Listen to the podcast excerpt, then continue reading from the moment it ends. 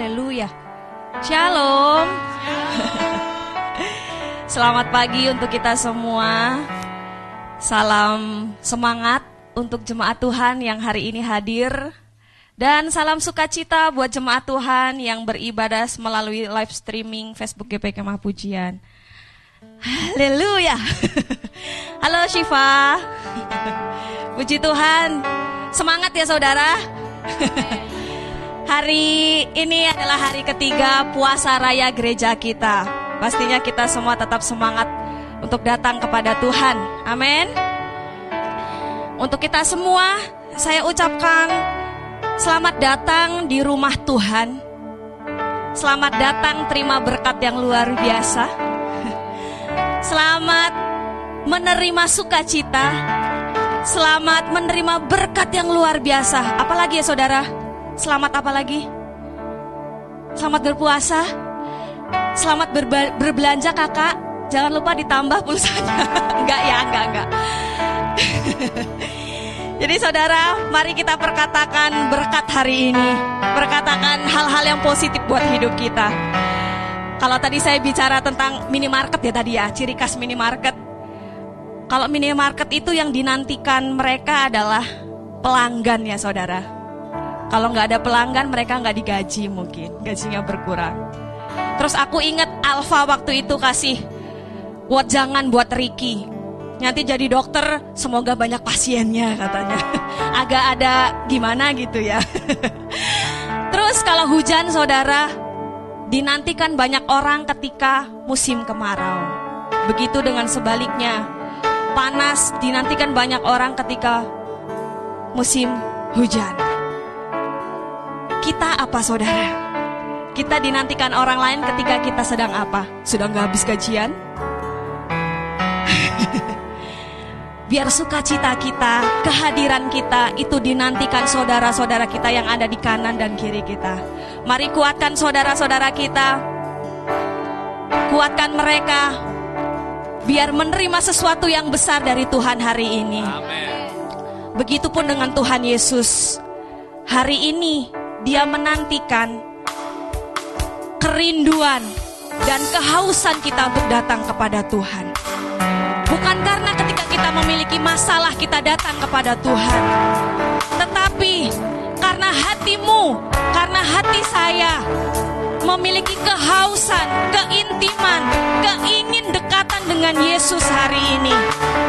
Mari kita mau senangkan Tuhan Yesus dia yang tahu hidup kita. Dia yang tahu rindu kita. Mari senangkan, agungkan Raja kita. Kami mengucap syukur Yesus. Kami mengucap syukur. Engkau baik, Engkau setia buat hidup kami. Mari naikkan pujianmu. Agungkan nama dia sungguh-sungguh. Kau tahu hatiku Tuhan. Terima kasih Yesus. Kau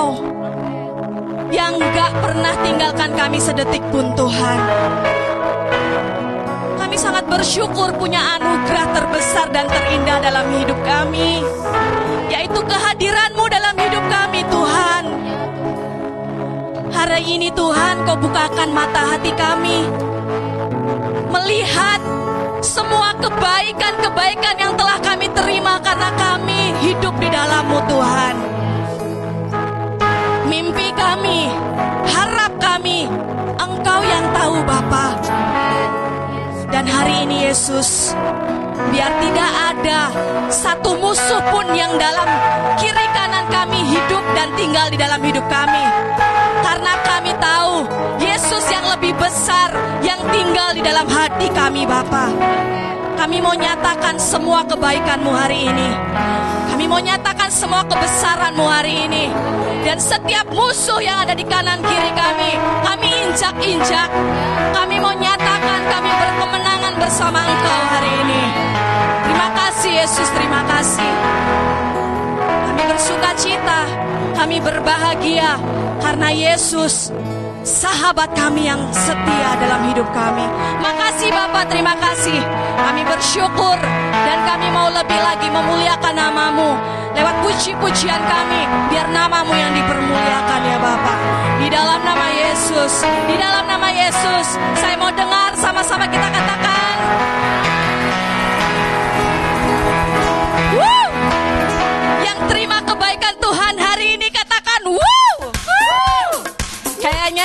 Bersuara lagi bersedih. Katakan sekali lagi, wow! Yesus baik dan dahsyat buat hidup kita. Amin. Setiap keluh kesah digantikan dengan sukacita hari ini. Karena Yesus tinggal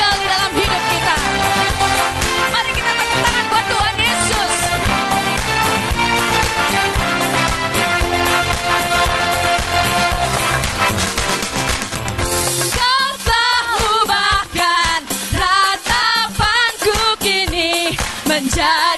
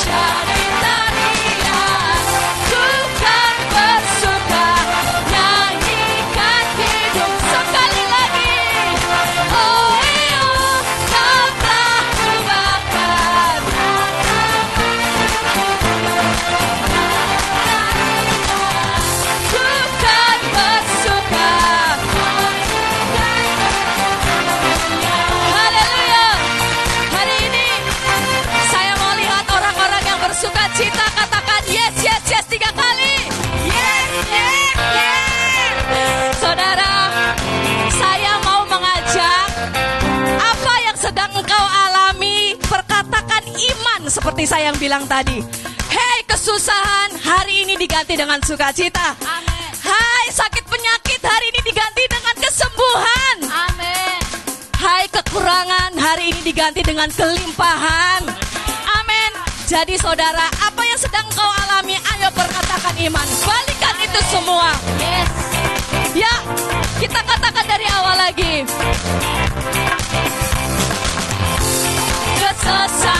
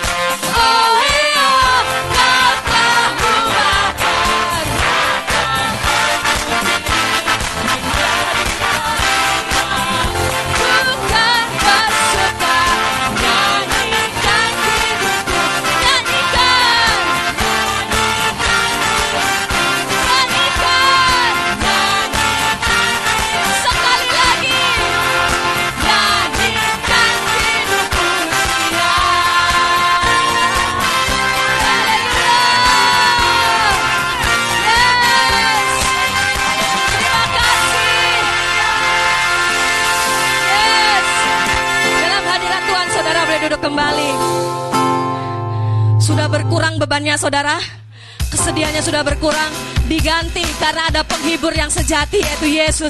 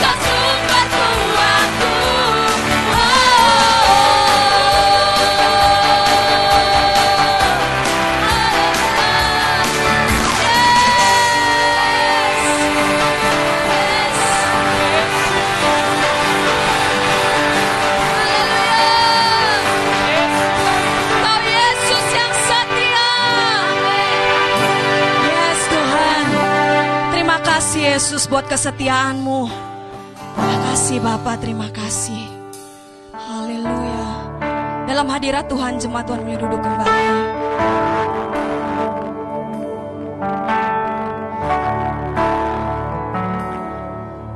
Engkau adalah Allah yang setia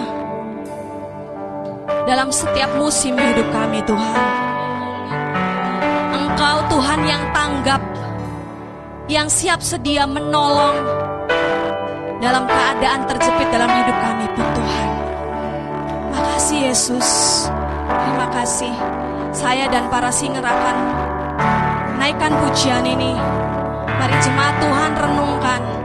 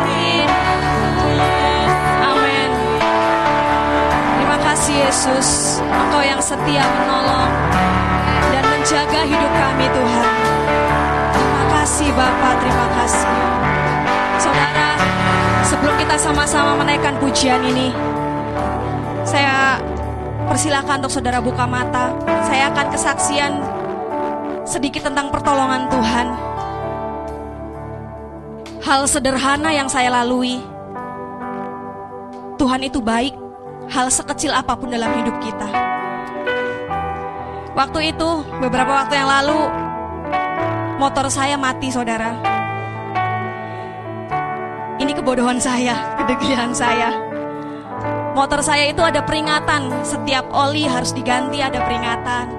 Setiap ada sesuatu yang rusak itu ada peringatan. Dan waktu itu ada peringatan kalau akinya sudah mati. Udah ada peringatan merah di dashboardnya.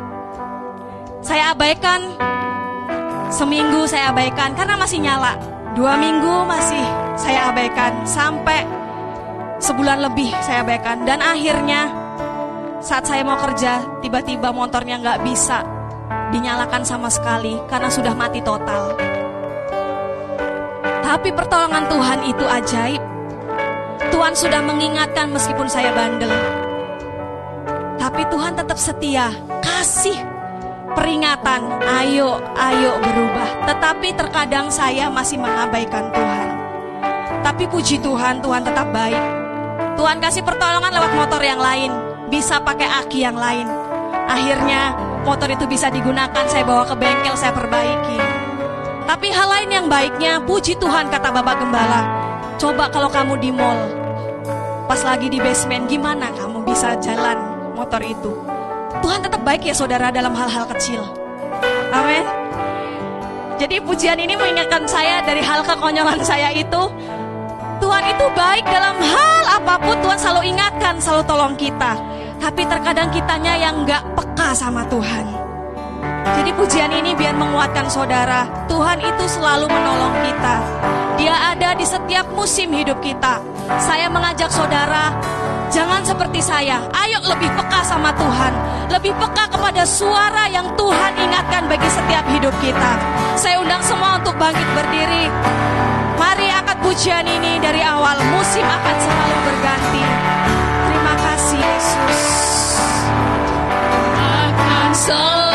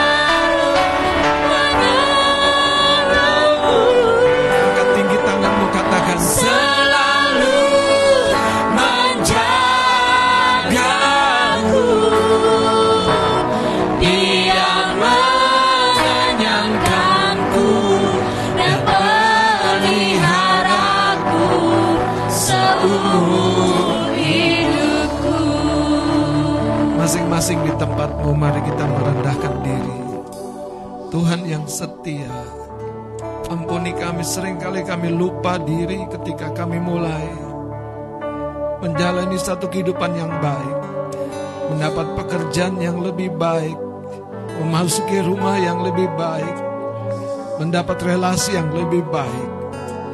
Tuhan ampuni kami. Pagi hari ini beri satu kesadaran di dalam batin. Satu hati yang remuk di hadiratmu. Seringkali kami berpikir kami bisa mempertahankannya dengan semua kebisaan kami. Ajari kami sadar bahwa apa yang kami terima daripadamu, kami hanya bisa mengembangkannya, mempertahankannya oleh kemurahan dan kasih karunia daripadamu. Tuhan kami merendahkan diri, ampuni kami. Seringkali kami abai dengan peringatan-peringatan. Seringkali Tuhan kami berpikir bahwa Engkau membiarkan. Tapi hari ini Tuhan biar hati kami berbalik. Tolong kami Tuhan. Supaya dalam masa-masa puasa kami, kami kembali menemukan diri kami di hadirat Kami utuh, kami sempurna, kami dikasihi, kami diterima, kami memiliki semuanya di dalam Engkau. Terima kasih Tuhan. Kami mengucap syukur pagi hari ini bicara dari hatimu untuk setiap anak-anakmu. Sebab firmanmu sanggup mengubahkan kehidupan kami. Di dalam satu nama Yesus Kristus Tuhan yang setia. Sama-sama katakan amin. Amin. Sebelum duduk saudara, kasih tos sebanyak-banyaknya katakan dalam masa-masa tidak baik, jangan lupakan Tuhan. Dalam masa-masa krisis, jangan lupakan Tuhan. Tapi satu lagi sebelum duduk. Itu sebabnya pada waktu masa-masa baik, jangan lupakan masa krisis. Karena ternyata masa krisis mengingatkan kita kembali kepada Tuhan. Ji Tuhan. Saudara, salah satu kesenangan Tuhan adalah berjumpa dengan pribadi-pribadi yang rendah hati. Karena salah satu sifat ilahi yang membuat Yesus bisa berjalan bersama dengan Bapaknya di surga adalah karena dia rendah hati. Dan proses Yesus mengalami kerendahan hati seperti diajarkan kepada murid-muridnya. Barang siapa tidak menyangkal diri memikul salib, dia tidak bisa mengikut aku. Bukan sekedar kalau dia tidak ibadah, kalau dia tidak baca Alkitab, karena semua proses rohani itu dimulai ketika kita menyangkal diri. Saudara, kedirian kita tuh satu problem yang sangat besar. Sangat-sangat besar. Bahkan saudara orang bodoh yang tidak terbelenggu dengan dirinya. Dia akan menjadi orang sukses. Lebih hebat daripada orang terpandai sekalipun. Kenapa? Masalahnya sederhana. Seringkali dengan kepandaian, dengan kebisaan kita, kita mensedikitkan campur tangan Tuhan dalam hidup kita. Saya pakai bahasa yang seperti itu. Mensedikitkan. Tapi ketika kita tidak punya apa-apa, tidak punya siapa-siapa, Anda sadar Anda masih punya Tuhan. Itu sebabnya saudara, jangan lupakan Tuhan pada masa-masa krisis. Jangan juga lupakan Tuhan pada masa-masa baik. Caranya adalah, pada waktu engkau diangkat, engkau terima promosi, engkau terima kebaikan, ingat masa-masa sukarmu. Karena di sana engkau akan ingat Tuhan. Ini untuk pesan pesan untuk orang yang diangkat tinggi. Tapi untuk orang yang memang dari tinggi, engkau tahu banyak orang juga sudah di posisinya. Dia hidup tidak berkekurangan. Tapi jangan lupa, semua itu kita terima dari Tuhan. Karena itu pada waktu kita mengalami proses direndahkan, dilupakan, gagal. Ingat kelimpahan yang di mana kita terima itu dari Tuhan. Saudara si bungsu kerja jadi penjaga babi, betul nggak? Kesesakan yang membuat dia ingat kelimpahan di rumah bapaknya. Itu gambaran kita saudara Seringkali Tuhan izinkan kesesakan-kesesakan itu untuk mereminder kita. Jangan lupa. Sekalipun engkau sudah belajar banyak, mengerjakan banyak, mencapai banyak. Ada yang selalu engkau tidak bisa capai. Yaitu ketika engkau kehilangan kerendahan hatimu. Saudara, tahta Tuhan itu nggak bisa dicapai oleh orang yang tinggi hati.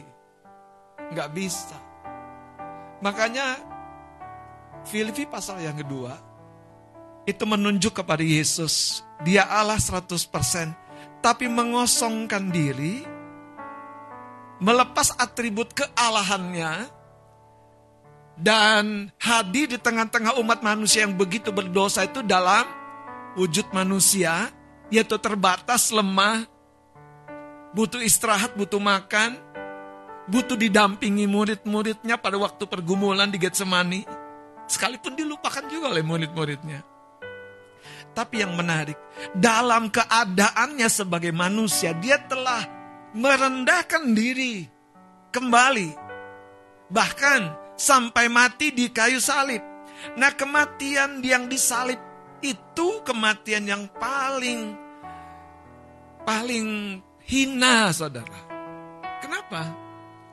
Kitab Yesa berkata orang membuang mukanya dari hadapan salib itu. Kematian yang paling tragis, kematian yang paling hina. Dan Yesus ada di kayu salib itu bukan karena pelanggaran, karena dosanya, karena kediriannya. Tapi Yesus ada di sana karena kita. Betapa celakanya kalau kita nanti dibawa naik Tuhan, kita lupa. Dia yang menebus dosa kita. Dia yang telah ada di kayu salib buat kita. Betapa celakanya. Itu sebabnya saudara, Salah satu instrumen yang harus kita terus gali adalah kerendahan hati. Ada sebuah ungkapan, ada orang-orang, aku ini udah rendah hati. Kamu nggak tahu aja, aku ini udah rendah hati.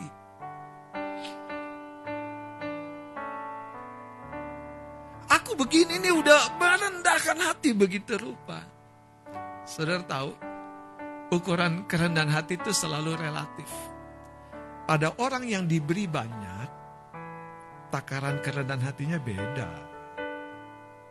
Makanya Yesus itu begitu merendahkan diri. Karena dia Allah. Dari topnya, puncaknya, sampai ke bottomnya, alasnya, dasarnya. Kadang kita merendahkan diri baru satu anak tangga.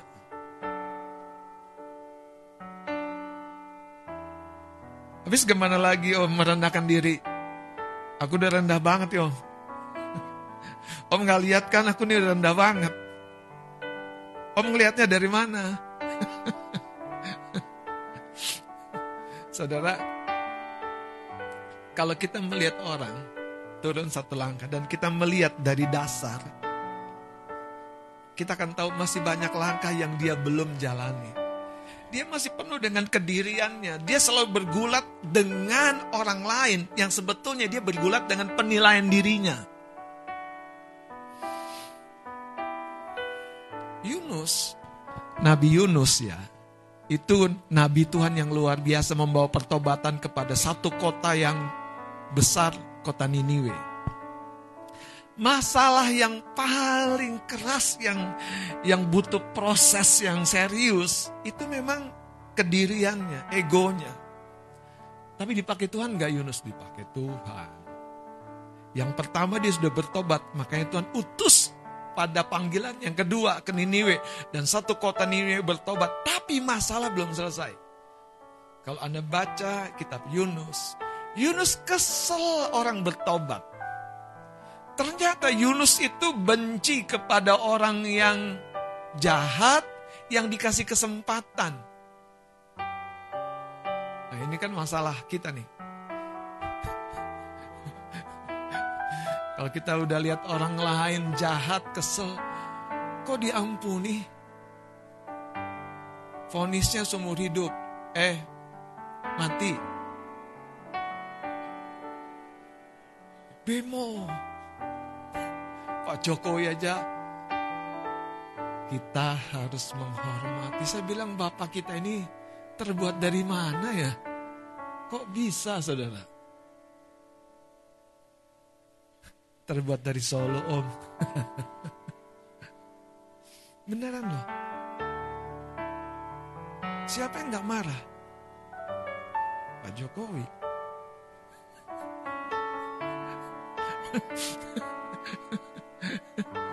Makanya saudara, ujian bagi seorang yang seperti dia diomongin. Ya enggak apa-apa toh. Biasa aja. Ya saya ini kan memang dari sononya orang kampung, orang deso. Ya diomongin ya apa bedanya? Eh, Hati-hati makanya waktu Anda diomongin mulai siapa dia? Enak aja. Anda mulai mulai aneh kan? Mulai aneh.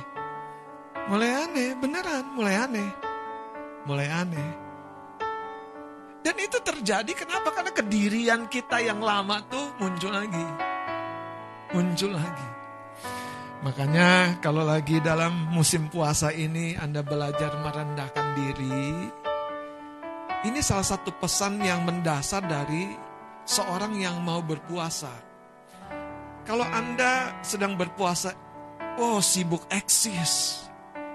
Lihat nih gue puasa nih. Anda lagi berpuasa, sibuk posting. Nih, selesai juga hari kedua. Semangat, aduh. Saudara, tapi ini beneran saudara, kerjakan dalam senyap. Yang perlu ditunjukkan adalah ketika Anda telah selesai.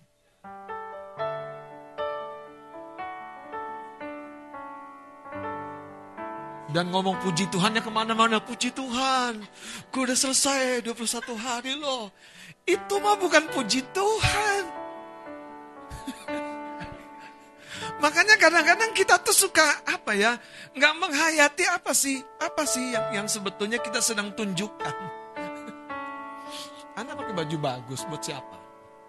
Ku diriku dong bang salah. Biar aku diterima. Sebagian besar orang gitu kan?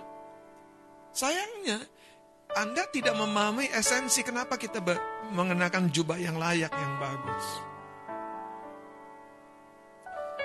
Saudara, supaya Tuhan dihormati.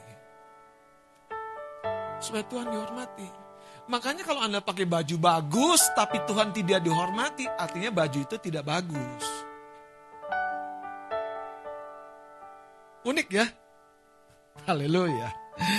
Mari kita akan lihat Yunus pasal yang ketiga, ayat 1 dan 6, ayat 1 sampai 6 dan ayat 10. Yunus pasal yang ketiga.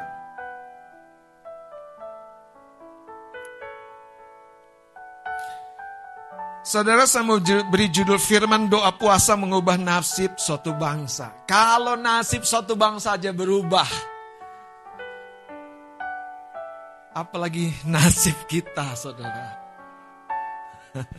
Satu bangsa saja Tuhan ubahkan. Apalagi kalau cuma satu keluarga. Ayat yang pertama sampai ayat yang keenam kita akan baca bersama-sama dua tiga. Pertobatan Niniwe. Datanglah firman Tuhan kepada Yunus untuk kedua kalinya demikian. Bangunlah, pergilah ke Niniwe, kota yang besar itu, dan sampaikanlah kepadanya seruan yang kufirmankan kepadamu. Bersiaplah Yunus lalu pergi ke Niniwe sesuai dengan firman Allah. Niniwe adalah sebuah kota yang mengagumkan besarnya, tiga hari perjalanan luasnya. Mulai Yunus masuk ke dalam kota itu sehari perjalanan jauhnya. Lalu berseru 40 hari lagi, maka Niniwe akan ditunggang balikan. Orang Niniwe percaya kepada Allah. Lalu mereka mengumumkan puasa dan mereka baik orang dewasa maupun anak-anak mengenakan kain kabung. Setelah sampai kabar itu kepada raja kota Niniwe, Turunlah ia dari singgasananya, ditanggalkannya lah jubahnya, diselubungkannya kain kabung, lalu duduklah ia di abu. Nah, ini keren, saudara.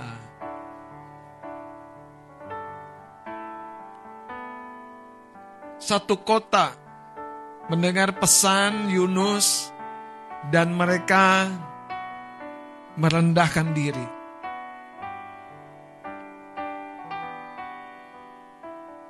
Dan dalam proses merendahkan diri itu mereka berpuasa.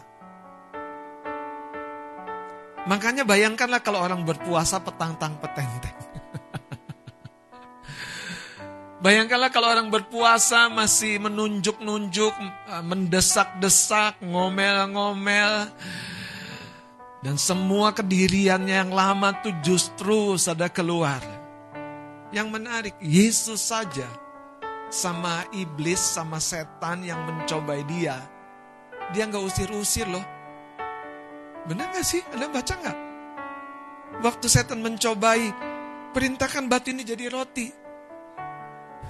Hus, enggak, enggak gitu. Banyak kau? Enggak, saudara. Oh mungkin kamu kurang informasi. Manusia bukan hidup dari roti saja, please. Kamu kurang informasi kali. Nah coba enak kan? Terus dibawa lagi, saudara. Dikasih tunjuk nih kalau kamu, apa namanya, um, jatuhkan diri. Firmannya berkata, uh, Tuhan akan memerintahkan malaikat menatang. Eh, kamu lupa. Ada juga firman Allah, jangan mencobai Tuhan Allahmu. Udah dikasih benar, mau hidup gak benar. Enak gak sih setan tuh? Yesus tuh gak semenang-menang sama setan. Kadang-kadang orang Kristen di sini ditengking, di sana ditengking, di sini ditengking, di sana ditengking. Setan bingung, aku mau tinggal di mana? Pada dibilang gini, masalahmu tuh bukan semuanya diri aku. Eh, benar nggak? Kamu aja yang ngitungnya sembrono. Lihat kan, jebol kan? Kasmu. Kamu aja yang belanjanya kebanyakan. Belum ujung bulan, baru tengah bulan. Udah tarik lagi, tarik lagi. Niatnya sih nyimpen. Tarik lagi, tarik lagi. Niatnya sih saldonya semoga sampai bulan depan. Yang ada bukan saldo, saudara. Salto, haleluya. Tapi benar, saudara, kalau cara kita berpuasa dengan cara seperti ini salah. Orang yang berpuasa harusnya itu menikmati banyak berkat, paling tidak kan. Kalau yang cewek-cewek nih baju idaman tuh bisa dipakai lagi kan. Ya kan, yang sebelumnya udah nggak muat om. Tiba-tiba udah puasa seminggu bisa dipakai lagi enggak ya? Betul kan? Weh, om tahu aja. Makanya kalau udah diberkati ingatlah masa sukar.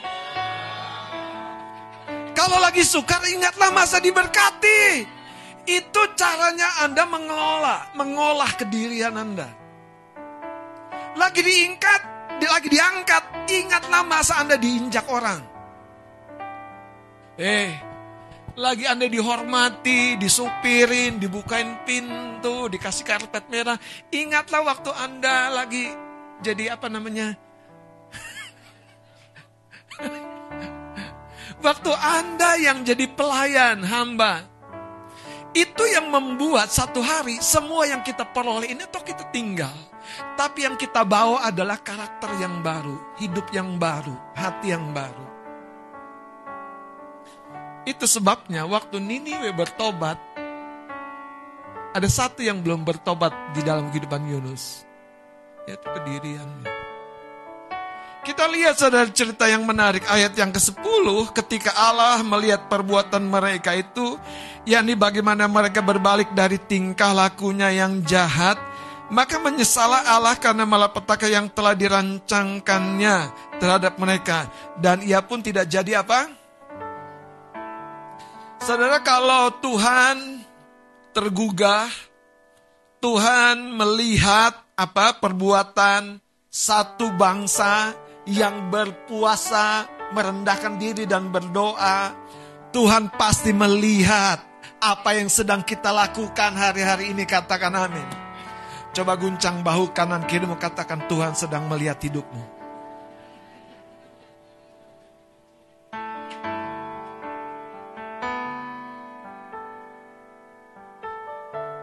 Benar gak sih ayat 10 coba lihat. Ketika Allah melihat apa? Perbuatan yang mana? Salah satu contoh, raja turun dari singgasananya, menanggalkan jubahnya. Dia mengenakan kain kabung dan duduk di dalam abu. Saudara, salah satu yang menarik dari orang-orang Timur Tengah, seperti Raja Niniwe ini, mereka punya ritual kalau berpuasa. Tuh mengenakan kain kabung. Kemudian duduk di atas abu. Untuk menghayati kembali kerendahan hati. Itu sebabnya ketika kita berpuasa sebetulnya yang paling utama adalah kita harus melepaskan apa yang telah sepertinya memberatkan hati kita. Betul, saudara. Betul. Seringkali yang memberatkan kita adalah prestasi kita. Kalau Anda seorang kepala, Anda direndahkan, diomongin oleh bawahan Anda, tersinggung?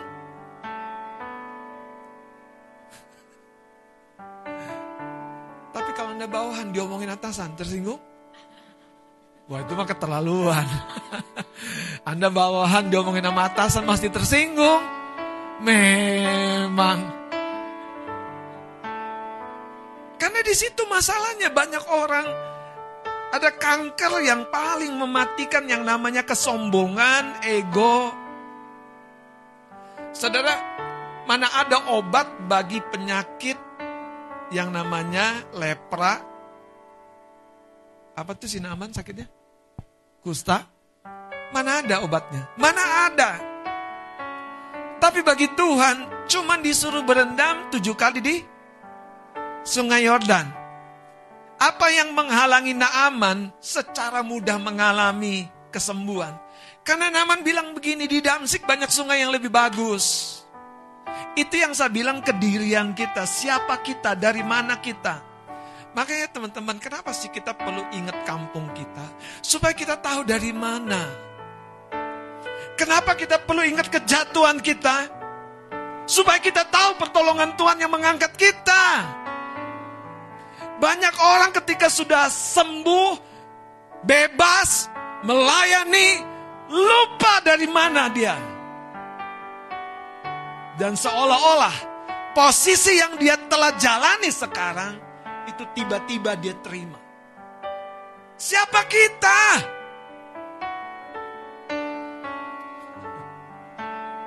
Siapa kita?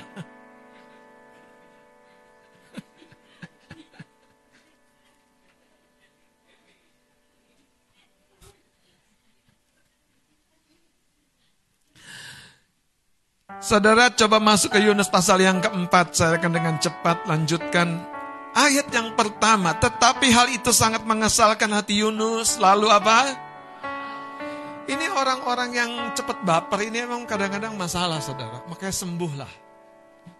Orang diberkati kita curiga, kita marah, kita tidak senang.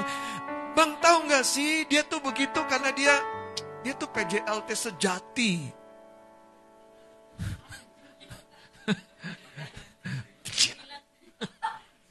Dia tuh PJLT sejati. Di mana-mana dia tuh PJLT. Bagus dong, dia kan cleaning service kan berarti. Bersih semuanya. Eh, kekasih-kekasih Tuhan. Kalau orang diberkati turutlah bersuka cita. Amin. Haleluya. Siapa tahu Anda dibagi kan? Makanya kalau orang kurus bukannya dipuji-puji, Bantuin jagain. Kalau dia lupa diri, ingetin. Iya. Kalau dia terlalu kurus, ingetin. Jangan lupa makan. Iya, oh ya, jangan lupa puasa. Coba lihat cerita ini saudara. Dan berdoalah ia kepada Tuhan katanya, ya Tuhan bukankah telah kukatakan itu ketika aku masih di negeriku. Ini endapan di hatinya mulai naik nih. Ketika aku masih di negeri itu sebabnya maka aku dahulu, dahulu, dahulu melarikan diri ke Tarsis. Oh ternyata masih ada memori yang rusak. Masih ada kenangan yang pekat di dasar hatinya. Maka aku dahulu melarikan diri ke Tarsis sebab aku tahu bahwa engkau lah Allah yang pengasih dan eh pengetahuanmu tentang Tuhan ternyata tuh nggak banyak berguna kalau hatimu tuh nggak nggak selaras dan simpel ya. Menarik sekali saudara. Bagaimana kita menyelaraskan hati kita. Ini banyak orang tuh gini ya, terlalu religius. Paham? Bahasa roh. Banyak-banyak. Kalau Anda tetap sombong nggak jadi, saudara. Mana bisa? Memberi banyak-banyak. Kalau dalam pemberian itu Anda dilupakan, Anda tersinggung, eh, nggak bisa, nggak nyambung. Berpuasa dua kali seminggu, pantesan. Ya kan kayaknya, wah fit banget badannya. Masalahnya saudara saya mau kasih tahu ya, hal-hal religius itu tidak disukai Tuhan kalau kehilangan esensinya. Yaitu kita menjadi manusia yang sadar bahwa kita diangkat oleh Tuhan. Sayang itu tadi, kalau sudah diangkat jangan lupa ketika kita di bawah. Kalau kita lagi di bawah jangan lupa kita pernah diangkat karena Tuhan. Saudara, Makanya banyak orang yang religius tapi kehilangan prinsip-prinsip hidupnya. Dengerin saya, ini baik-baik, baik-baik. Anda pernah baca Yesus berpuasa berapa kali sepanjang kitab Injil? Jangan salah tangkap nih. Pernah baca? Saya sendiri hanya temukan satu kali. Yesus berpuasa 40 hari, 40 malam. Pertanyaannya, proses menghambakan diri itu nggak boleh berhenti di waktu puasa. Itu yang membuat Yesus sekalipun ber, tidak berpuasa, pekerjaan kasih karunia, pekerjaan roh Tuhan di dalam dirinya itu terus mengalir. Kenapa? Karena Yesus rendah hati bahkan makin merendahkan dirinya. Eh, dengerin saya. Yesus itu makin merendahkan dirinya loh saudara. Makanya cilaka kalau orang berpuasa justru makin mudah tersinggung. Makin mudah apa ya namanya? Menjaga diri itu perlu, menjaga nama itu perlu. Tapi saya mau kasih tahu saudara. Justru sering kali Tuhan izinkan masa-masa kelam itu untuk mengingatkan kita. Bukan kita sepenuhnya yang bisa memproteksi diri kita. Tapi Tuhan Bukan berarti kita puasa saudara seperti Tuhan Yesus misalnya sekali saja, bukan. Tapi mau tunjukkan di dasar dari kehidupan Yesus itu yang namanya merendahkan diri sampai mati di kayu salib. Jadi orang yang makin diberkati, dengerin saya baik-baik. Tantangan buat kita untuk merendahkan diri itu lebih besar.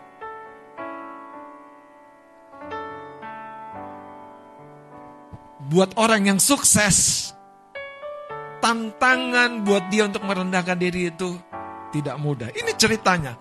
Kan satu kota bertobat. Tapi masih ada satu akar yang lama dari kehidupan Yunus yang perlu dibongkar oleh Tuhan. Ayat ini mencatat begini, saudara lihat.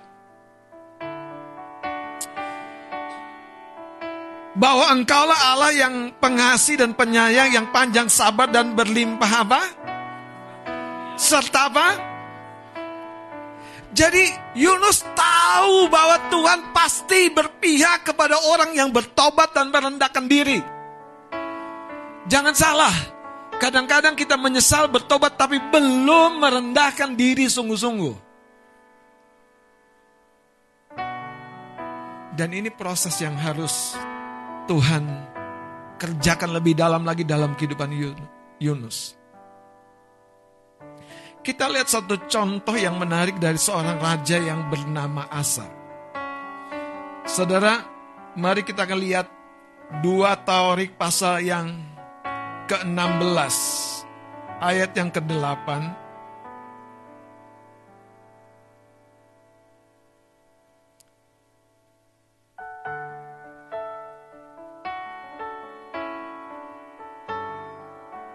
Ayat yang ke-8 saya akan baca dua Taurik pasal yang ke-16. Bukankah tentara orang Ethiopia dan Libya besar jumlahnya? Kereta dan orang berkudanya sangat banyak.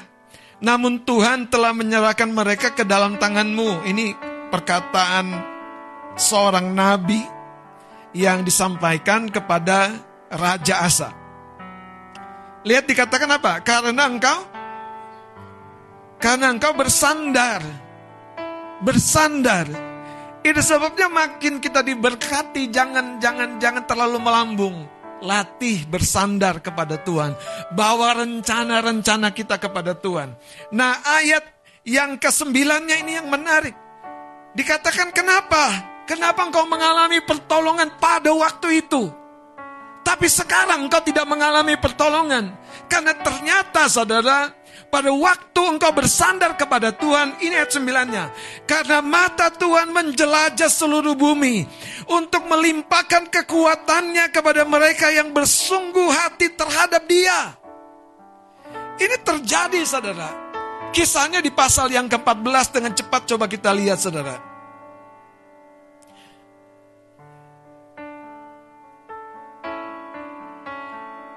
Haleluya.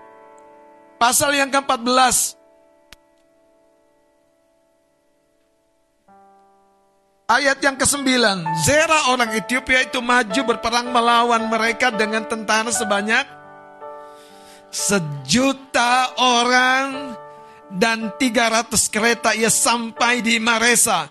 Lalu Asa apa? Jadi lihat saudara, ketika Asa menghadapinya, dia mengukur dong. Bisa nggak? Ternyata nggak bisa, nggak mungkin. Terus coba lihat. Ya, kemudian Asa berseru kepada Tuhan Allahnya.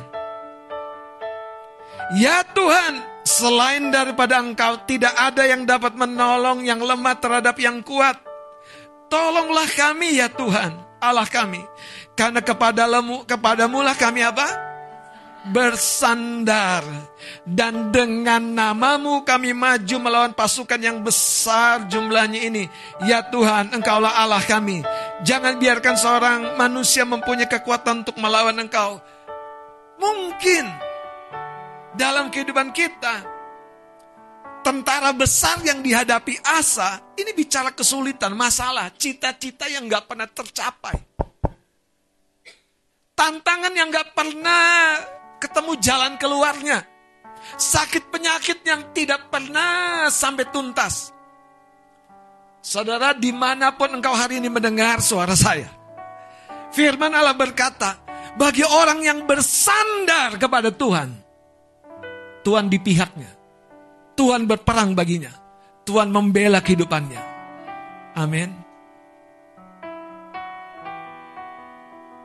Sayangnya saudara, Sekali lagi saya sampaikan, ketika kita sedang di atas, ingatlah masa-masa kita di bawah. Itu yang membuat kita terjagai hati kita.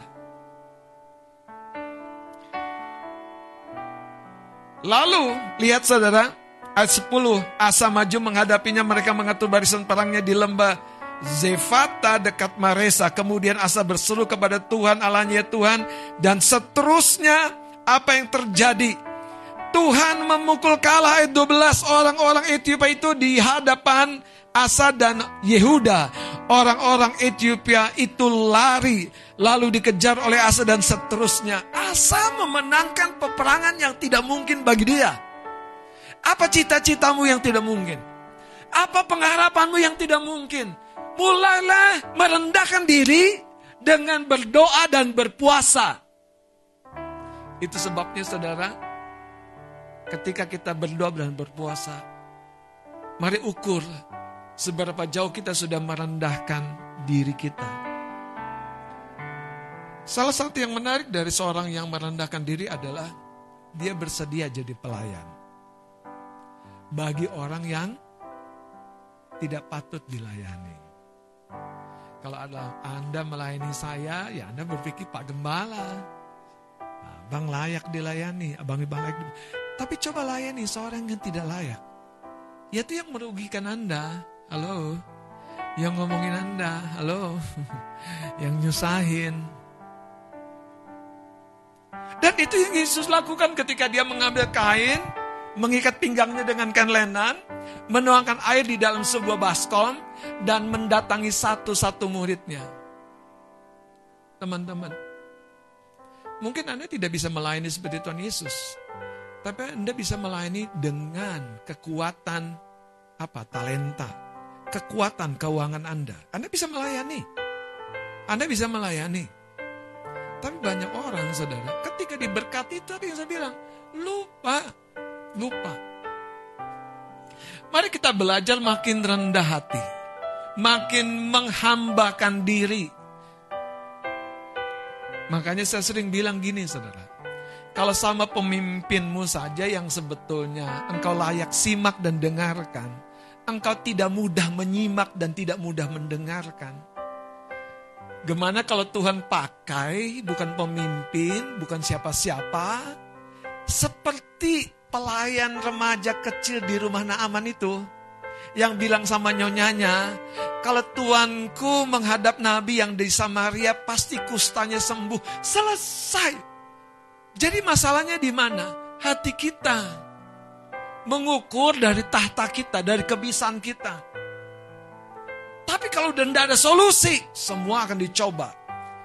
Naaman terselamatkan karena ada orang-orang kecil. Makanya ketika ajudannya bilang, Pak, bukankah kalau Nabi itu memerintahkan kita melakukan sesuatu yang lebih sukar kita akan lakukan, betul? Eh, Naaman saudara.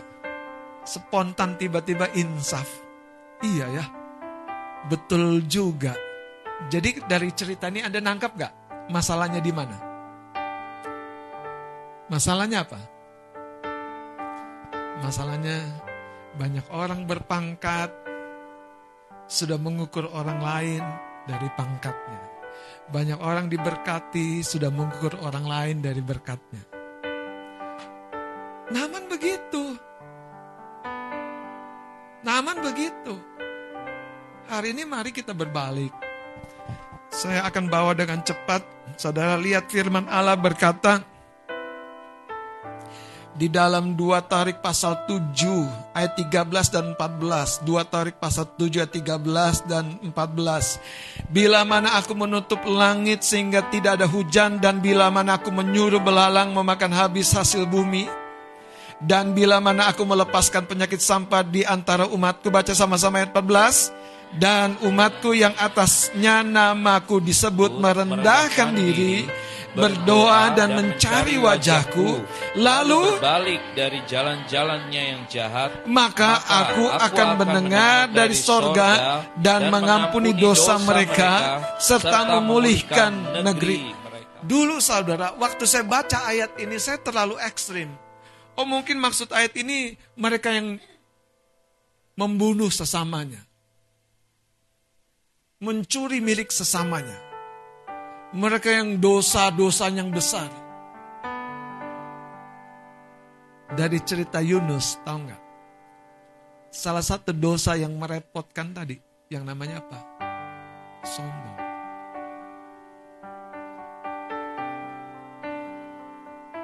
Ego, angkuh. Sekian bulan yang lalu saya didatangi bersama dengan istri dengan seorang yang sudah berhasil hidupnya, tapi sedang dalam masalah. Dia harus menghadapi pengadilan dengan kasusnya, dan ketika datang kepada kami, kepada Ibu Gembala, cerita panjang lebar dan kesesakan yang teramat sangat karena kasus pengadilan yang harus dihadapi. Tapi itu menjadi kesempatan dia ingat kembali. Dia berkata, saya mau mulai deh puasa dua kali seminggu. Merendahkan diri. Kadang-kadang datang konsultasi, dia lagi puasa. Ya puji Tuhan. Kita tanya, kita kita teleponan mungkin dia lakukan terus apa yang dia katakan, dia mau berpuasa. Saudara yang menarik adalah istilah saya ya, seperti ayat ini. Ketika kesusahan datang, orang yang sedang sukses dalam hal keuangan ini jadi insaf. Ada bagian-bagian hidupnya yang salah. Ada bagian-bagian hidupnya yang melupakan Tuhan tapi waktu kejadian itu, dia mulai terhubung kembali dengan orang yang bisa membimbingnya. Jujur saudara, kesedihan banyak pemimpin rohani adalah waktu melihat anak-anak rohaninya mulai bagus, mulai sukses, hubungan mereka dengan pemimpinnya itu mulai renggang, mulai datar, mulai lupa, dan kayaknya nggak ada satu hubungan yang baik lagi. Dan di situlah sebetulnya yang menjadi masalah itu bukan setan, tapi ego. Ego. Orang ini kemudian saudara menempuh panjang persidangan dan lain sebagainya. Sampai akhirnya Tuhan mulai angkat, Tuhan mulai tolong, Tuhan mulai pulihkan. Hal yang menarik adalah ketika kesusahan lewat itu justru mengingatkan kembali bahwa bukankah waktu itu pernah susah juga sebelum diangkat dan sekarang ada kesusahan lain. Tuhan tuh pengen bilang gini anakku. Kesusahan-kesusahan yang sementara ini sebenarnya reminder. Jangan lupa. Jangan kau jadi jadi tinggalkan mesbah doamu. Di mana kau bukan sekedar doa Bapa kami merendahkan diri, tapi sungguh-sungguh berkata Tuhan, aku sampai di sini ini karena Engkau dan katakan, kalau engkau mau aku lebih jauh lagi, beri aku kekuatan. Seharusnya kita begitu, saudara.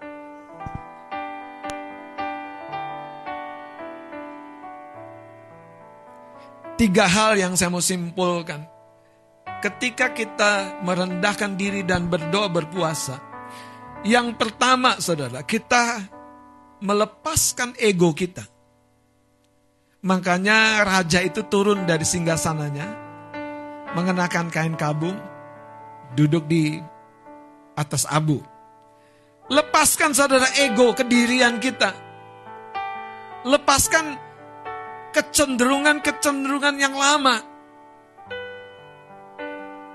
Lepaskan saudara. Yang kedua, belajar bersandar kepada Tuhan. Ambil waktu lebih dalam lagi melibatkan Tuhan dalam semua area hidup kita. Melibatkan campur tangan Tuhan untuk urusan apa pun dalam hidup kita.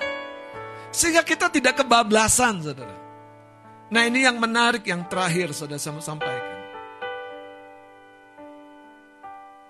Tuhan tuh sedang mengerjakan satu karakter yang akan bisa selalu selaras dengan dia. Wow. Tuhan sedang mengerjakan satu karakter yang selalu bisa selaras dengan dia. Yaitu hati yang rendah, hati yang remuk dan hancur di hadapan Tuhan. Sekali lagi, banyak saudara pelayan-pelayan Tuhan. Contoh dalam kitab Lukas, siapa? Zakaria, seorang imam. Gabriel datang berkata, kamu akan punya anak tahun depan. Dia nggak percaya. Karena hatinya sudah keras, sudah pahit. Tapi dia seorang imam. Thomas murid Yesus. Teman-temannya sudah bilang, guru kita sudah bangkit. Tapi Thomas dengan egonya berkata, sebelum aku apa? Sebelum aku apa? Betapa seringnya kita baru percaya karena sebuah bukti. Itu tanda hati kita ada masalah loh. Makanya kasih bilang, ada peringatan di dashboard. Ada peringatan. Saya bilang untung itu nggak matinya waktu kamu di mall, di basement lagi. Kira-kira gimana prosesnya itu saudara? Tuhan baik nggak? Kita tuh agak agak nengel kalau kalau kalau orang Batak bilang nengel. Ya, orang Jawa bilang ngeyel.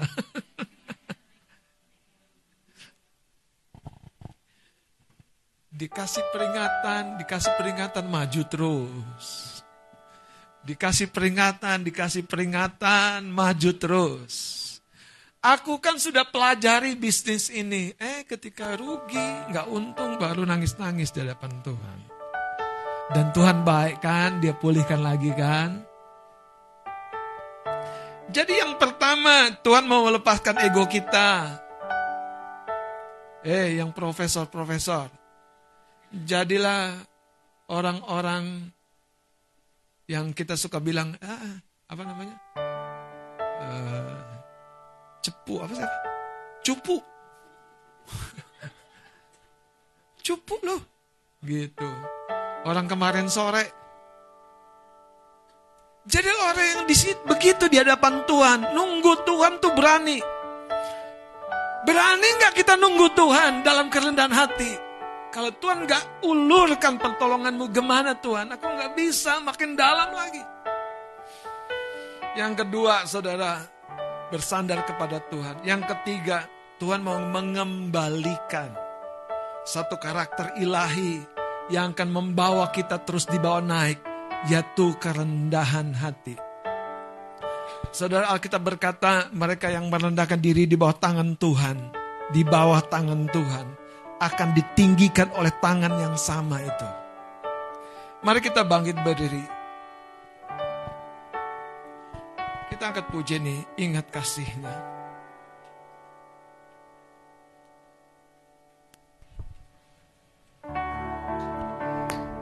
Kalau Anda hadir ke sebuah dapur, apa yang Anda harapkan Anda hirup? Aroma apa? Tentu aroma aroma masakan yang enak. Tapi nyatanya saudara waktu Anda hirup aroma yang lain, gak bisa lupa-lupa ya.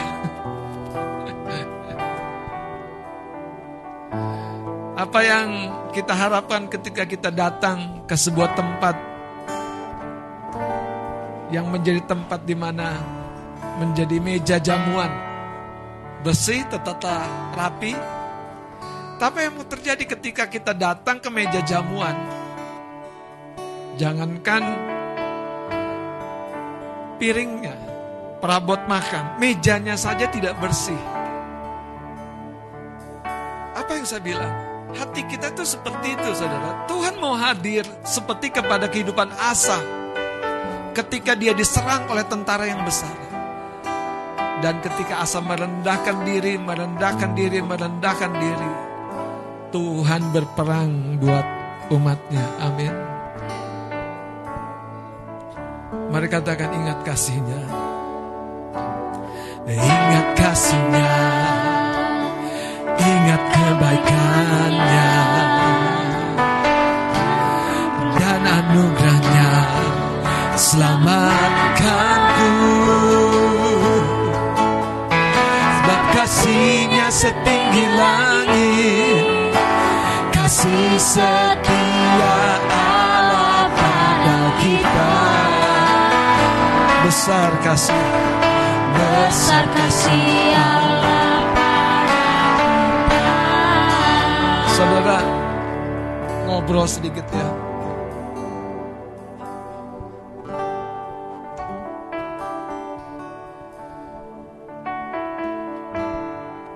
Kami dari satu perjalanan dari Kerawang.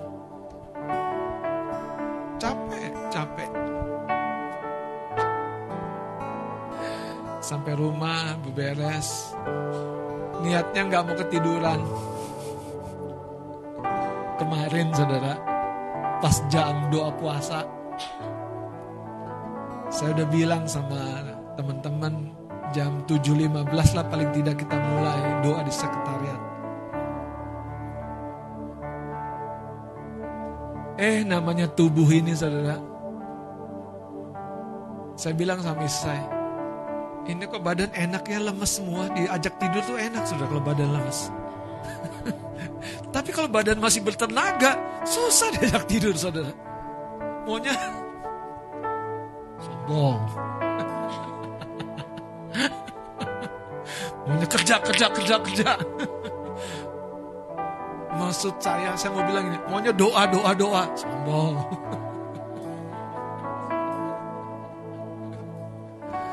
Jadi kemarin itu saudara, saya sudah bebersih, rebahan sebentar. Saya biasa memang dengan tidur 15 menit, setengah jam itu rasanya cukup.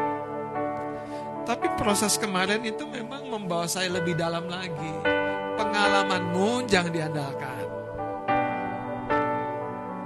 Istri saya telepon, WA nggak diangkat, nggak direspon. Telepon ke anak saya. Anak saya sambil ngomong sama mamanya deketin saya. Ya, secara natural saya tuh sensitif dengan suara. Kebangun. Oh, jam setengah tujuh kurang lima. Eh, jam setengah delapan kurang lima. Aku tadi bilang jam tujuh lima belas hadir. Ya Tuhan, Pak Gembala, betulan error. Poinnya apa? Ada bagian dari pengalaman pribadi saya yang membuat saya terlalu yakin. Terlalu yakin. Pada sisi lainnya, saya memang begitu, saudara. Tidur tuh sedikit aja cukup. Tapi pada sisi lainnya, jangan itu disandarkan, diandalkan. Makanya salah satu tanda kerendahan hati adalah dia tuh mau minta tolong sama orang lain. Dia tuh mau minta bantuan orang lain, benar. Makin sering kita merasa kita sendiri bisa, tidak perlu dibantu. Sebetulnya ada pembentukan jelaga-jelaga yang namanya kekerasan hati, kedirian sendiri, kesombongan.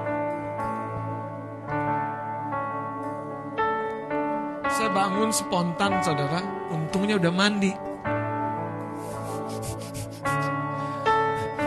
Jadi tinggal sisiran selesai berangkat. Untungnya semua sudah kepikiran mau pakai apa sebelum tiduran. Untungnya saudara. Tapi masalahnya mendasarnya bangunnya keterlambat. Harusnya saya bangun, saya pasang alarm itu sudah pas sebetulnya jam 7 kurang 5 menit saya pasang alarm. Tapi namanya lagi puasa tadi tuh, saudara. Makanya kalau lagi puasa masih sombong juga. Nah, selama dibabat kau. Dari situ saya sadar, saudara. Sehebat-hebatnya saya dalam menaklukkan tubuh ini. Kita tetap perlu bantuan orang lain, saudara. Tetap Sehebat-hebatnya Anda mengelola uang, insaflah. Anda perlu orang lain untuk menolong. Sehebat-hebatnya Anda mengolah tubuh Anda, eh jangan lupa, setan tuh banyak di luar. Apalagi kalau tanggal muda, bulan baik, hari ulang tahun. Batal diet semua. Terus gimana? Ya udah dong bang, habis gimana? Hei, itu yang saya bilang ingat. Kalau lagi di traktor ingat. Tuh waktu di, di, di, di tatapan mata dokter, bu, hidup ibu tinggal enam bulan lagi. Ingat, jangan dibablasin terus yang kolesterol, yang semuanya. Jangan dibablasin terus. Ingat,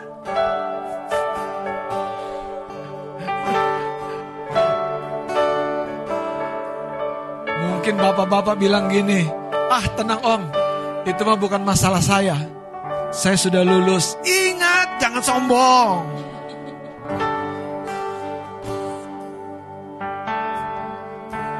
Saudara, hal sekecil yang saya ceritakan itu, itu mengajar saya, Tuhan. Sedisiplinnya saya, sehebatnya saya. Kita ini manusia yang terbatas. Makanya waktu alarm bunyi, saya kan suka ngobrol sama murid-murid. Kalau alarm bunyi, bangun dong, jangan dimatiin tidur lagi. Eh kejadian deh, kejadian deh. Pas waktu mau tugas, dia bunyi.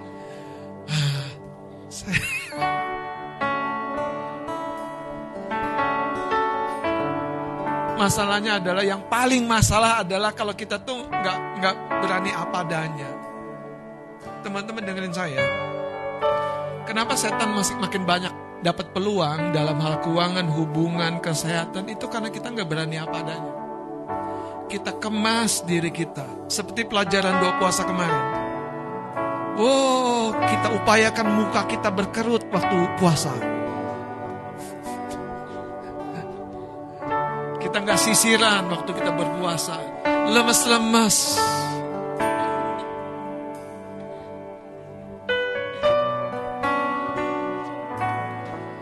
Jadi dengerin saya ya, poinnya apa? Kerendahan hati itu harus menjadi instrumen yang justru makin terukur, makin dalam, makin melayani, makin apa ya namanya bisa bekerja sama, makin bisa terbuka dengan masukan dan ide dari orang lain. Makin mau dikoreksi. Nah, kalau puasa Anda seperti itu, wah, Pak Jokowi akan senang. akan lebih banyak lagi orang-orang yang menaklukkan muka bumi ini, saudara. Karena mereka yang rendah hati itu diangkat tinggi Tuhan loh. Haleluya. Ku takkan lupa. Ku takkan lupa kasihnya.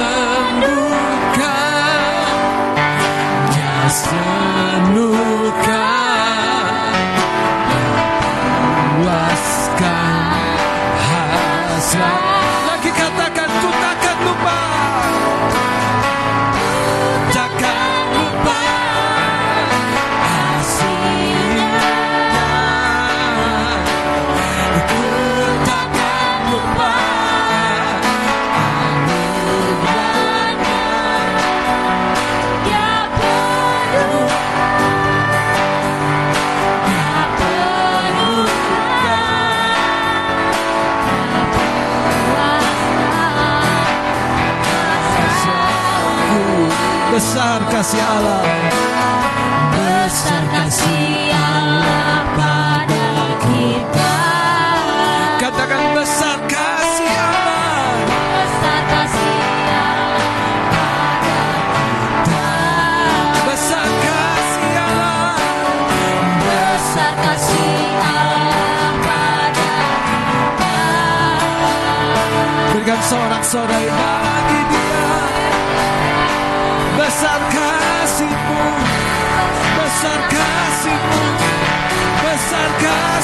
kasihmu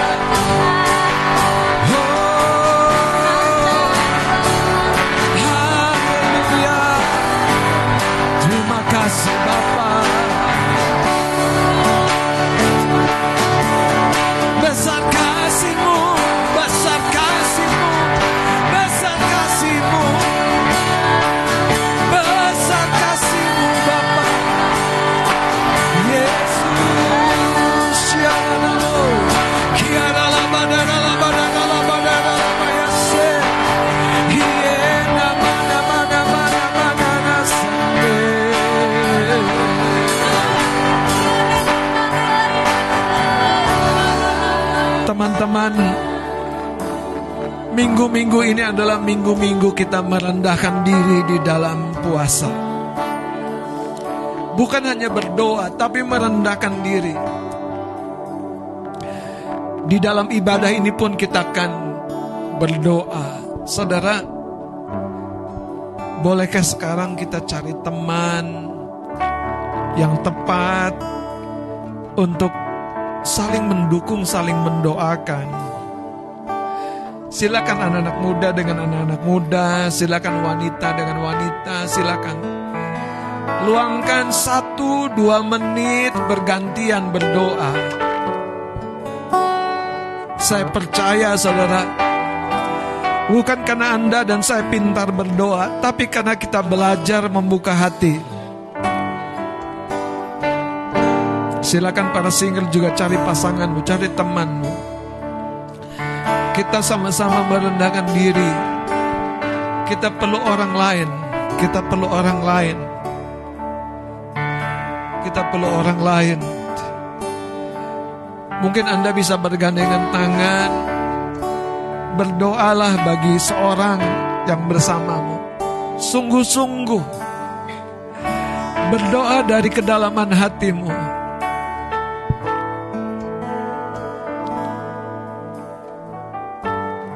Seperti saya katakan, biarlah masa sukar mengingatkan kita tentang Tuhan, bahkan masa kelimpahan membuat kita tidak lupakan Dia. Ayo mulai saling mendoakan saudara. Doakan pokok doa yang menjadi pergumulan teman doamu. Ketika Anda mulai berdoa, satu dua menit bergantian teman doamu. Doa dari kedalaman hatimu. Doa dari kedalaman hatimu. Tuhan pagi hari ini, siang hari ini, siapakah kami? Kami butuh engkau, kami butuh orang lain. Kami perlu sahabat-sahabat lain untuk mendukung perjalanan rohani kami. Kami butuh pemimpin, kami butuh teman-teman di dalam karsa. Ajari kami pagi hari ini menyadari bahwa ada Tuhan di dalam kerendahan hati. Ada campur tanganmu di dalam kerendahan hati. Ada karyamu yang ajaib di dalam kerendahan hati. Ada kesembuhan di dalam kerendahan hati. Ketika kami menyangkal kedirian kami, kesombongan kami, prestasi kami, kebiasaan kami. Ketika kami melepaskan semua kedirian kami dan datang sebagai anak yang sepertinya baru kemarin. Maka kami akan melihat hikmatmu, kuasamu,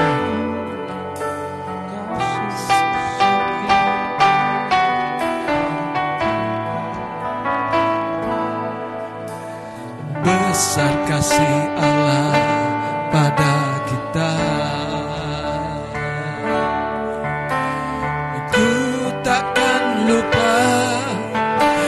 kasihnya. Ku takkan lupa anugerahnya. Dia penuhkan, dia penuhkan, dia puaskan hasratku. Ku takkan lupa. Lupa. Si Bapak Ibu Saudara yang di rumah Dialah kasih Tuhan Juga hadir di tempat di mana engkau berada. Apa pun keberadaanmu Ketika kita membawa diri kita Rendah di hadapan Tuhan Tuhan yang akan meninggikan Katakan ku takkan lupa Tuhan yang akan meninggikan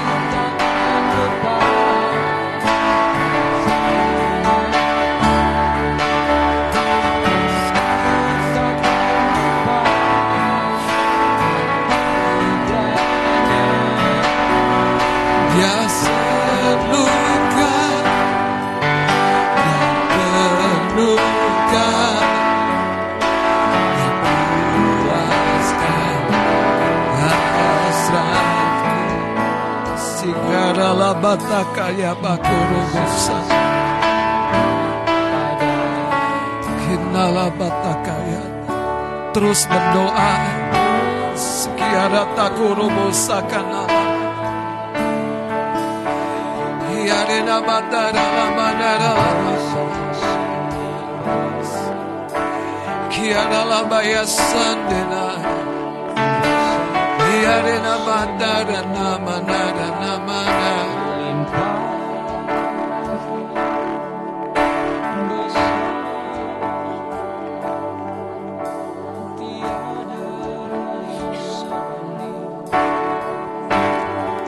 Sementara kita berdoa, sementara kita datang merendahkan diri di hadapan Tuhan,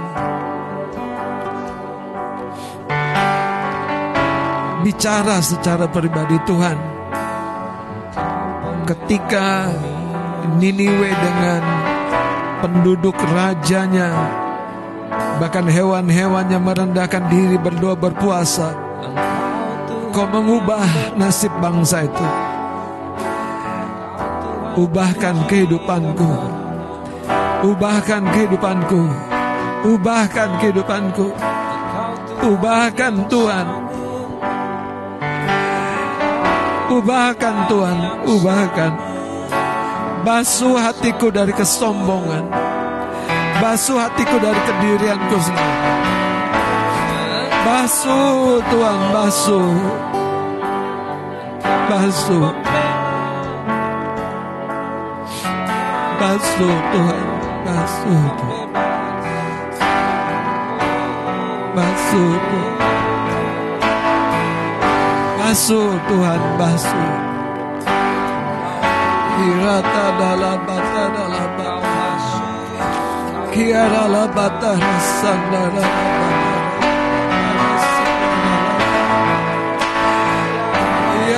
tamu basuh kami Tuhan basuh Beri kerendahan hati Tuhan. Beri kerendahan hati. Beri Ya dalam Haleluya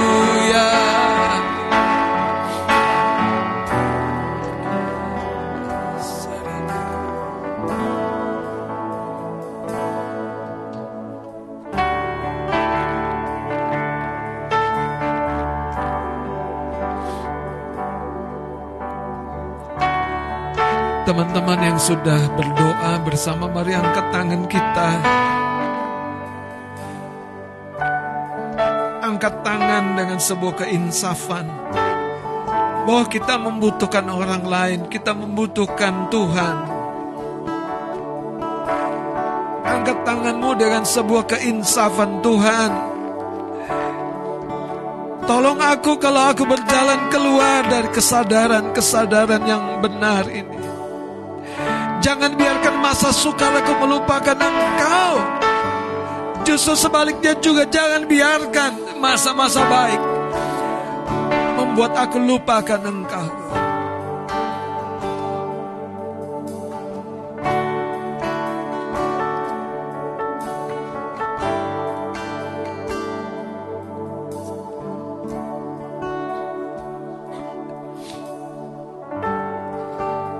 Perkataanku datang bagi setiap engkau anak-anakku, kekasih-kekasihku. Sesungguhnya aku menantikan waktu-waktu di mana engkau datang merendahkan diri dan mencari hadiratku. Karena aku juga yang sedang merancangkan hal-hal yang besar dan baik bagi kehidupanmu. Aku juga yang akan mengerjakannya di dalam kehidupanmu.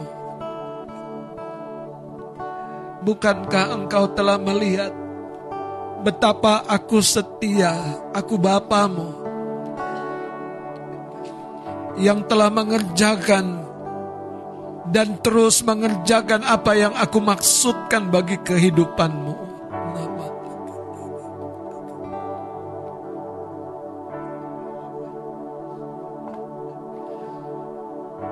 Anakku asih, pelayanku, aku juga yang sedang mengerjakan dan menggenapkan apa yang aku rancangkan dalam kehidupanmu.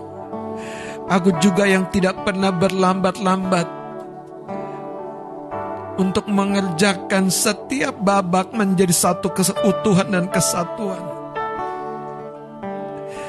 Teruslah percaya dan melihat kepada kasih karuniaku.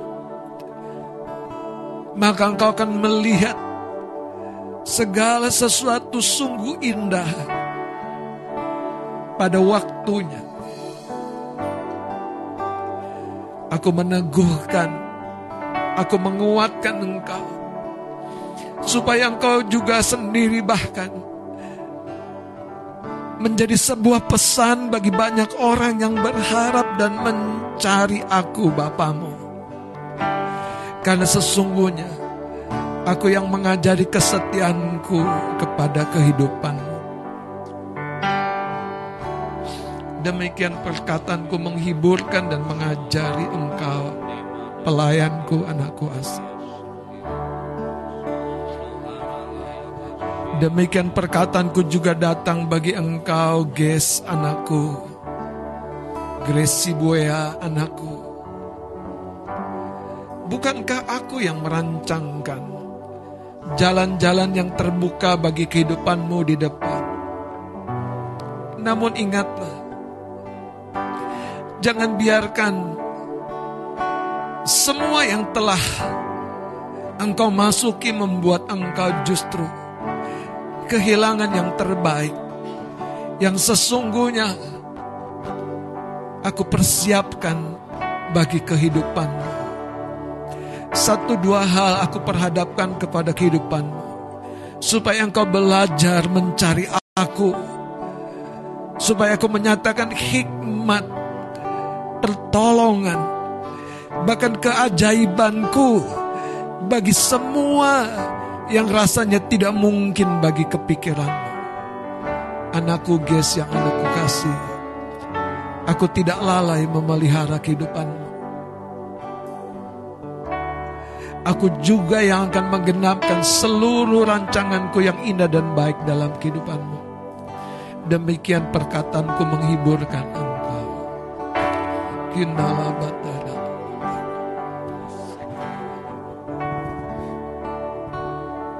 Kiaralabatara, sikiaralabatara. Kiaralabatana lamatara.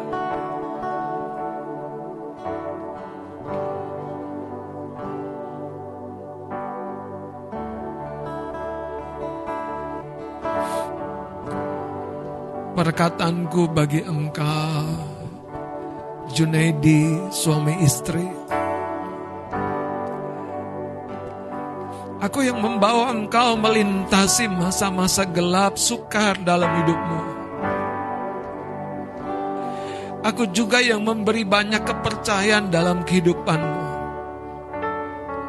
Belajarlah supaya engkau terus berpaut kepada aku Tuhan Allahmu yang menyediakan seluruh persediaan bagi perjalananmu ke depan. Aku tidak abai dan lupa. Itu sebabnya ketika engkau melewati kesesakan, ingatlah betapa sesungguhnya aku juga yang merancangkan kelegaan bagi kehidupanmu. Nantikan pertolonganku karena sesungguhnya aku tidak pernah lupa akan segala sesuatu yang kau hadapkan kepada aku Bapamu. Demikian perkataanku meneguhkan engkau Junedi suami istri. Inna mata rasa. Inna mata rasa karataku rubusi diri kadarosondoma. Kirata nala manara la manara la matak. Yara la bayasi kiara la matara la Surya de ba ba ba ba ba ba Yasaka la la badara la badara Hindala matara la matara la matakara la batara sakara la batara la Mari katakan ku takkan lupa Ku takkan lupa kasihnya. Ku takkan lupa anugerahnya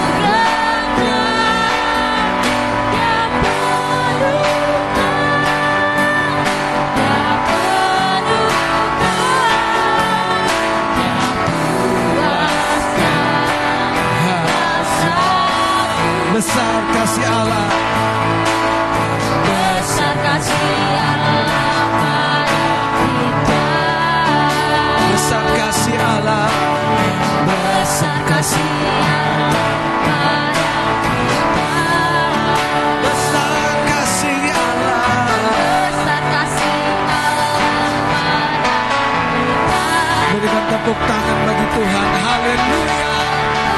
Haleluya.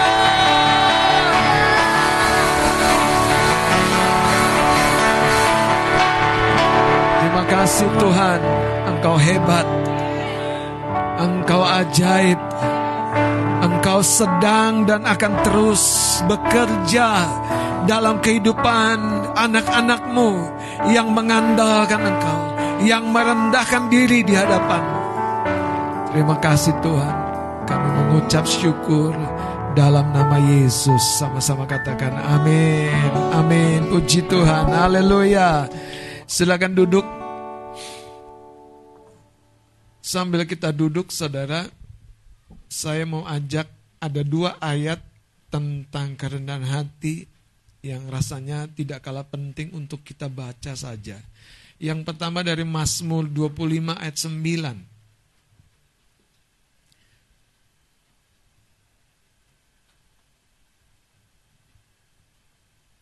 Mazmur 25 ayat 9 berkata, ia membimbing orang-orang yang rendah hati menurut dan ia mengajarkan jalannya kepada orang-orang yang jadi itu yang saya coba sampaikan saudara.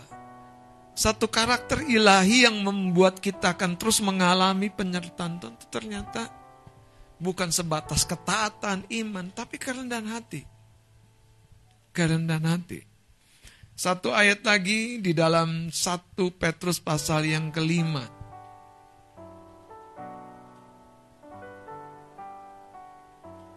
Ayat yang kelima dan keenam mari kita baca sama-sama dua tiga.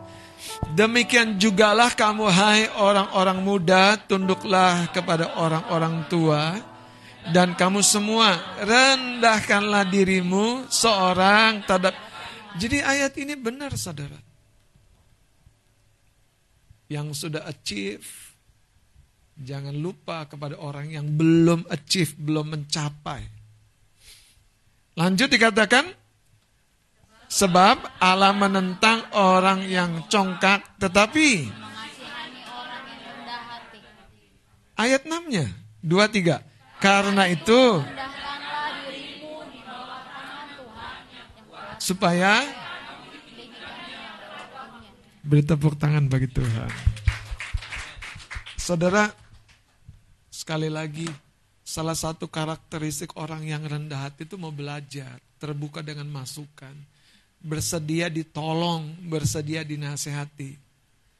Dan kita sangat-sangat bersyukur salah satu tokoh Indonesia yang sangat-sangat memberkati bahkan dunia, yaitu Pak Jokowi. Bersedia dikritik, bersedia diomongin, dan oleh semuanya itu dia meninggalkan sebuah aroma keharuman di kepemimpinannya. Bukan sebuah aroma kebusukan, bukan sebuah jelaga hitam kegagalan, tapi sebuah prestasi yang cemerlang. Hidupmu dan hidupku dirancangkan Tuhan demikian. Itu sebabnya mari starting dengan kerendahan hati.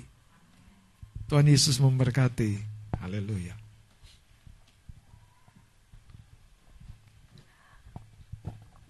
Haleluya.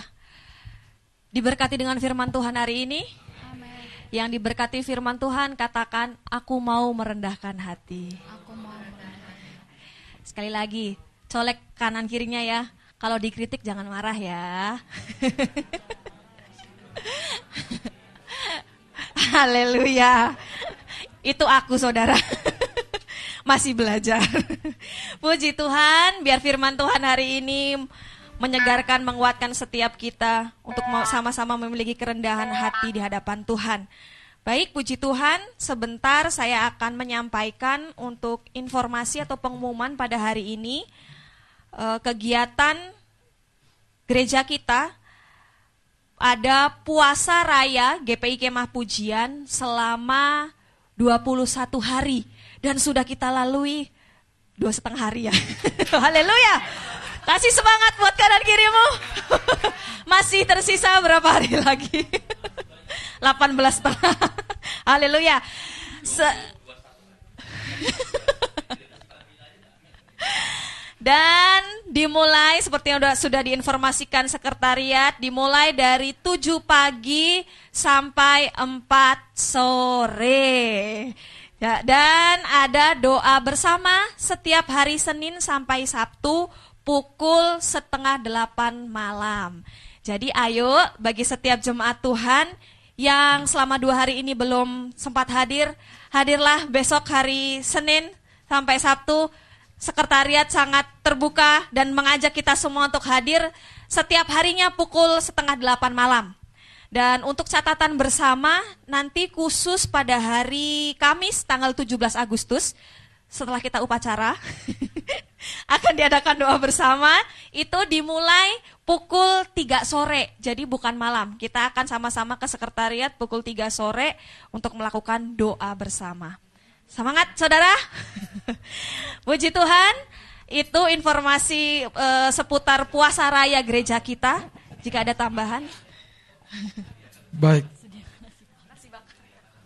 Teman-teman, tanggal 17 itu doa kita akan dua sesi. Jam 3 sampai jam 4 break, makan. Bawa sendiri nggak om nggak disediain.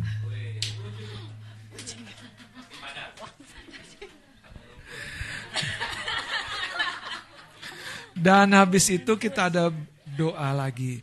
Dan khusus untuk tanggal 17, eh, saya berdoa supaya ada kesempatan supaya teman-teman mengalami karunia-karunia Roh Kudus, bisa mendengar apa yang Tuhan taruh dalam bentuk impresi, dalam bentuk penglihatan, dalam bentuk sebuah kata.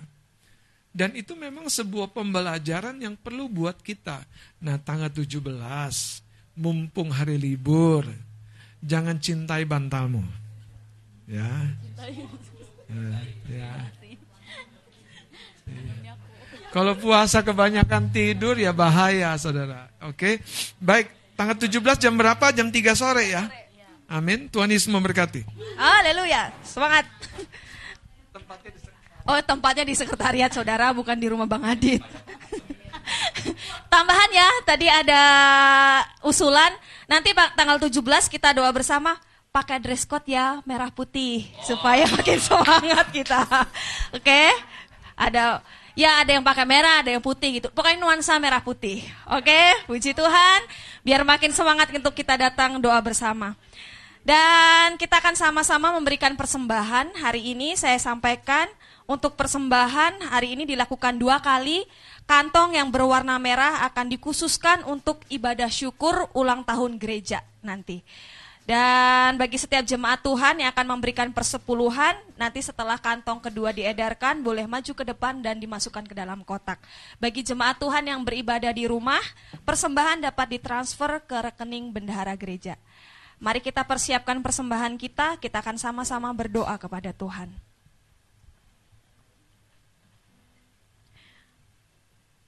Terima kasih untuk setiap kasih dan berkatmu yang kau nyatakan bagi hidup kami Tuhan.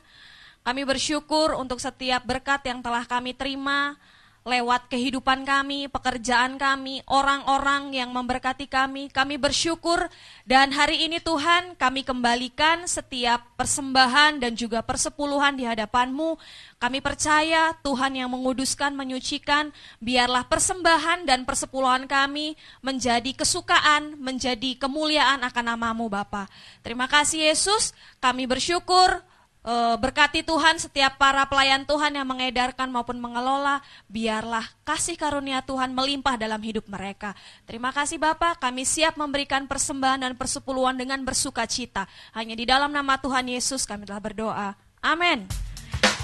Selamat memberi, kita akan sambil angkat pujian. Kebaikanmu Tuhan, kasihmu, sungguh tiada batasnya dalam hidup.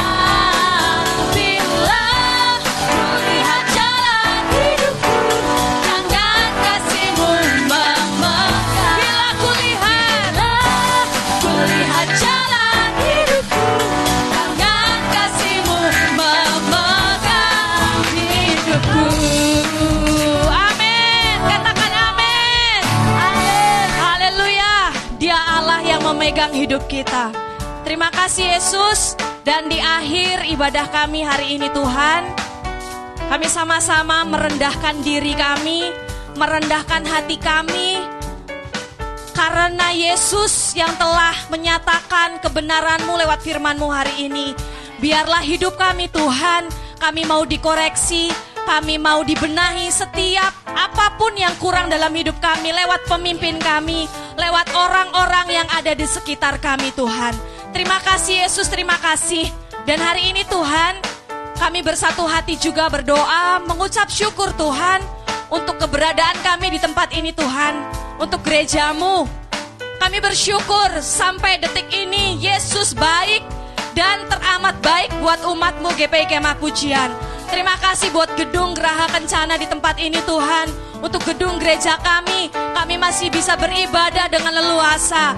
Kami bersyukur buat orang-orang yang Tuhan kirimkan dalam hidup kami. Hari ini Tuhan, kami berdoa untuk pemilik gedung di tempat ini Tuhan, untuk Ibu Rini sekeluarga. Kasih dan karuniamu melingkupi kehidupan mereka. Berkatmu tercurah, kesehatan kau nyatakan bagi keluarga besar di dalam nama Yesus. Secara khusus kami mengangkat tinggi tangan kami untuk opa yang kami kasihi. Kami berdoa Tuhan Yesus yang menjagai setiap kehidupannya, setiap proses pemulihannya Tuhan Yesus yang memberkati. Kami mendukung, kami menguatkan Opa, diberkati setiap waktu Bapak. Terima kasih Yesus.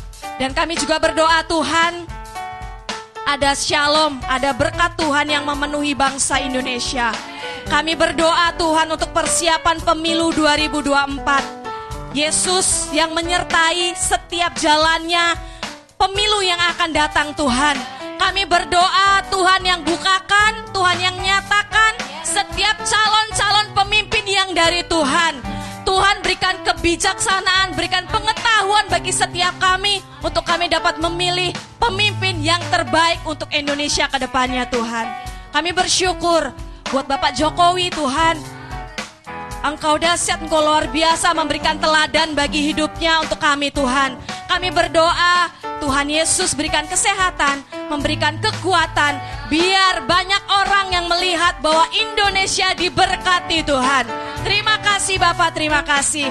Dan kami bersyukur menjalani hari-hari ke depan saat kami berpuasa bersama, saat kami berdoa bersama.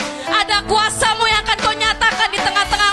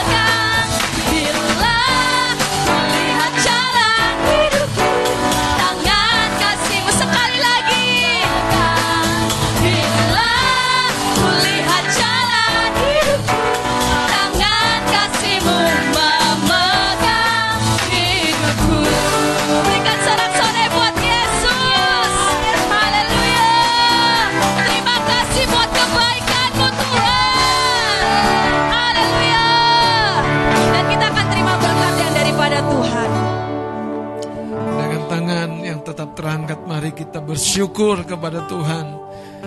Langkah demi langkah dalam anugerah dan penyertannya Biar kita belajar semakin merendahkan diri Menjadi hamba dan pelayan bagi sesama. Dan kita percaya keajaiban akan mewarnai jalan-jalan kita ke depan sampai kepada tanggal 31 Tuhan yang di pihakmu akan terus menyatakan pertolongan, pembelaan dan kasih karunia-Nya bahkan lebih lagi dan lebih lagi ketika kita terus berjalan dalam kerendahan hati. Terima kasih Tuhan seluruh berkat ini yaitu pemulihan kesembuhan, pertolongan jalan keluar kami terima.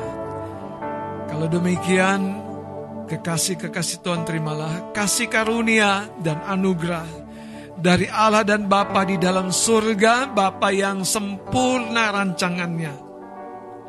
Dan cinta kasih dari Tuhan Yesus Kristus, Juru Selamat, Penebus, Gembala hidup kita, serta persekutuan Roh Kudus yang senantiasa hadir, turun menyertai kita mulai hari ini sampai selama-lamanya. Maranatha Tuhan Yesus datang pada kali yang kedua. Di dalam nama Yesus Kristus. Semua yang percaya dan diberkati sama-sama katakan amin, amin, amin. Selamat hari Minggu, Tuhan Yesus memberkati.